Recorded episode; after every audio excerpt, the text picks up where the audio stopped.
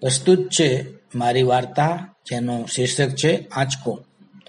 Mister મનન, હું દિલગીર છું, પરંતુ તમારા ઘેરથી કોઈકનો ફોન હતો કે તમારી પત્નીએ આત્મહત્યા કરી છે અને પોલીસે તમારી માની ધરપકડ કરી છે. તમારે તાત્કાલિક પહોંચવાનું છે.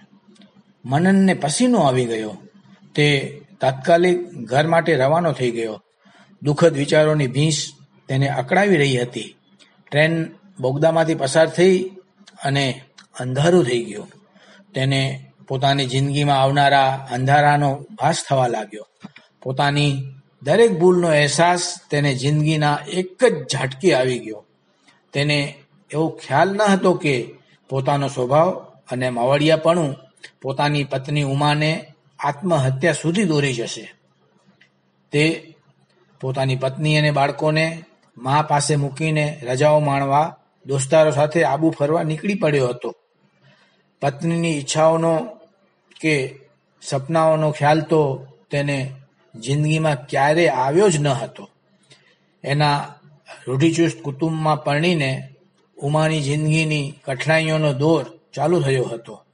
એની સાસુ સાસુ શબ્દનો સાક્ષાત્કાર કરાવતી હતી. લગ્નના પ્રથમ દિવસેથી મેણાટોળાનો મારો ચાલુ હતો. આસ્તે આસ્તે ત્રાસ વધતો ગયો.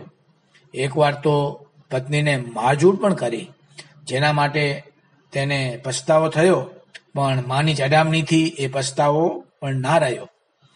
ઉમાને સમજાતું ન હતું કે પોતાની સાસુને કઈ રીતે રાજી રાખે. ઉમા ગમે તેટલું સારું કરે, પરંતુ તેની સાસુ ગમે ત્યાંથી વાંધા વચકા કાઢીને ઝઘડા કરી લેતી. પોતાની પત્નીને થતા અન્યાયનો મનનને ઘણીવાર ખ્યાલ આવતો.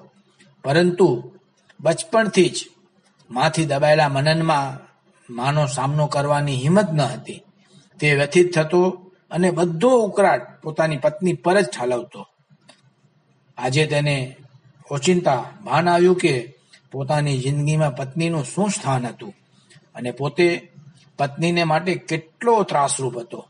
સમાજમાં વગવણી પોલીસ કેસના લફરા બાળકોની સાચવણી વિદ્યુત તરીકેની જિંદગી વગેરે મુસીબતરૂપ ભાવિના ભારેખમ ઓછાયાના ખ્યાલે તેની હાલત ખરાબ થઈ રહી હતી. પોતે કરેલ અન્યાય અને ભૂલો માટે તેને આજે સાચા દિલથી પસ્તાવો થઈ રહ્યો હતો, પરંતુ ઘણું મોડું થઈ ગયું હતું. ટ્રેનમાંથી પોતાના ગામ પહોંચતા તેનું દિલ ધડકન ચૂકી ગયું. તેની આંખો તરવરી રહી હતી. એ મજબૂત દિલનો મનન ગામમાં પગ મૂકતા જ તૂટી ગયો અને દિલથી રડી પડ્યો. રસ્તામાં પડતા, મંદિરના પ્રાંગણમાં નજર પડતા જ તે ચકરાઈ ગયો. તેની પત્ની ઉમા મંદિરના દરવાજામાંથી પૂજા કરીને પાછી આવતી હતી.